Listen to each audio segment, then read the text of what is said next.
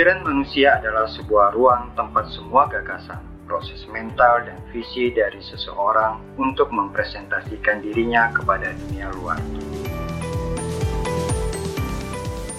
Ini adalah Ruang PC, sebuah podcast tentang gagasan dan visi yang ada, apa pun itu, nyata atau tidak, Anda yang menilai. Saya PC adalah host Anda.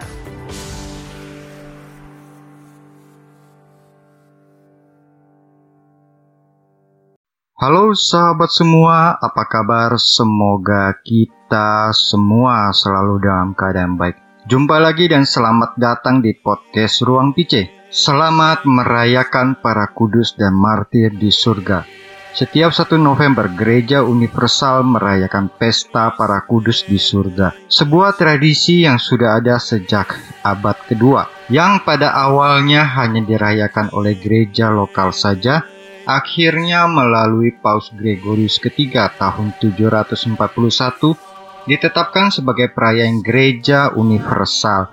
Di balik penentuan perayaan para kudus dalam perziarahannya, gereja diteguhkan melalui berbagai kesaksian iman para kudus. Pewartaan kesaksian iman dengan memaklumkan kemartiran, pengangkatan beato, beata, dan santo, santa sebagai para kudus yang dihormati, sebagai yang berbahagia dan yang kudus di surga. Pada tahun 1234, Paus Gregorius ke-9 menetapkan suatu prosedur untuk menyelidiki hidup para calon santo dan santa dengan kemungkinan adanya mujizat yang terjadi. Berikut pada tahun 1588 Paus Sixtus kelima mempercayakan kepada kongregasi ritus yang kelak diberi nama Kongregasi untuk Urusan Santo dan Santa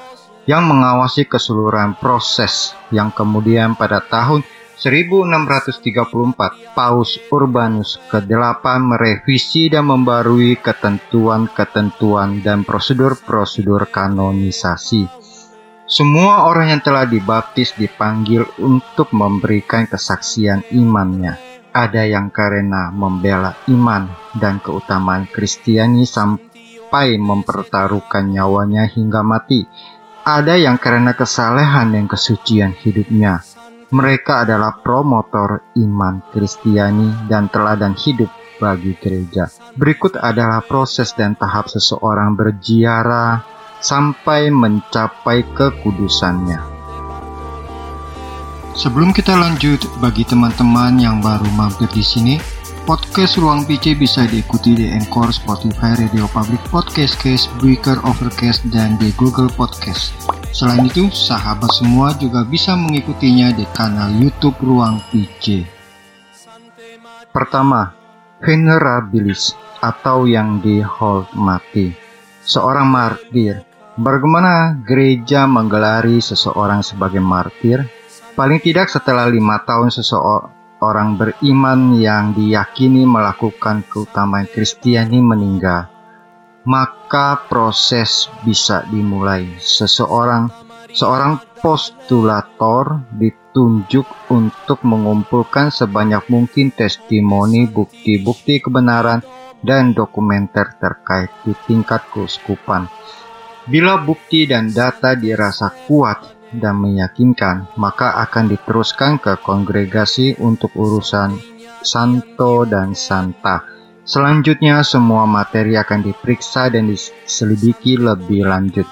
Bila hasilnya benar dan positif, maka tata suci akan menetapkannya sebagai martir, calon yang dimaklumkan sebagai venerabilis atau yang dihormati. Prosesnya sama seperti proses calon beato dan beata. Untuk seorang martir tidak perlu adanya bukti mukjizat yang meyakinkan.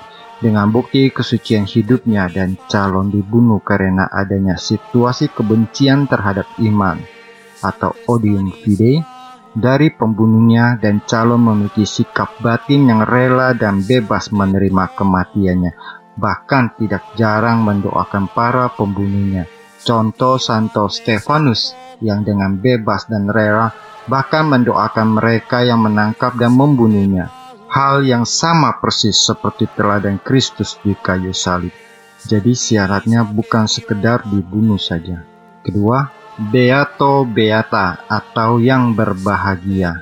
Seorang martir bisa dimaklumkan sebagai Beato Beata melalui proses beatifikasi di luar kemartiran seseorang, calon harus dilengkapi dengan suatu mujizat yang terjadi dengan perantaraannya. Di sini gereja harus memastikan melalui berbagai penyelidikan dan menyatakan bahwa suatu mujizat sungguh terjadi karena perbuatan Tuhan atas jawaban suatu permohonan yang disampaikan melalui perantaraan para calon santo dan santa ini.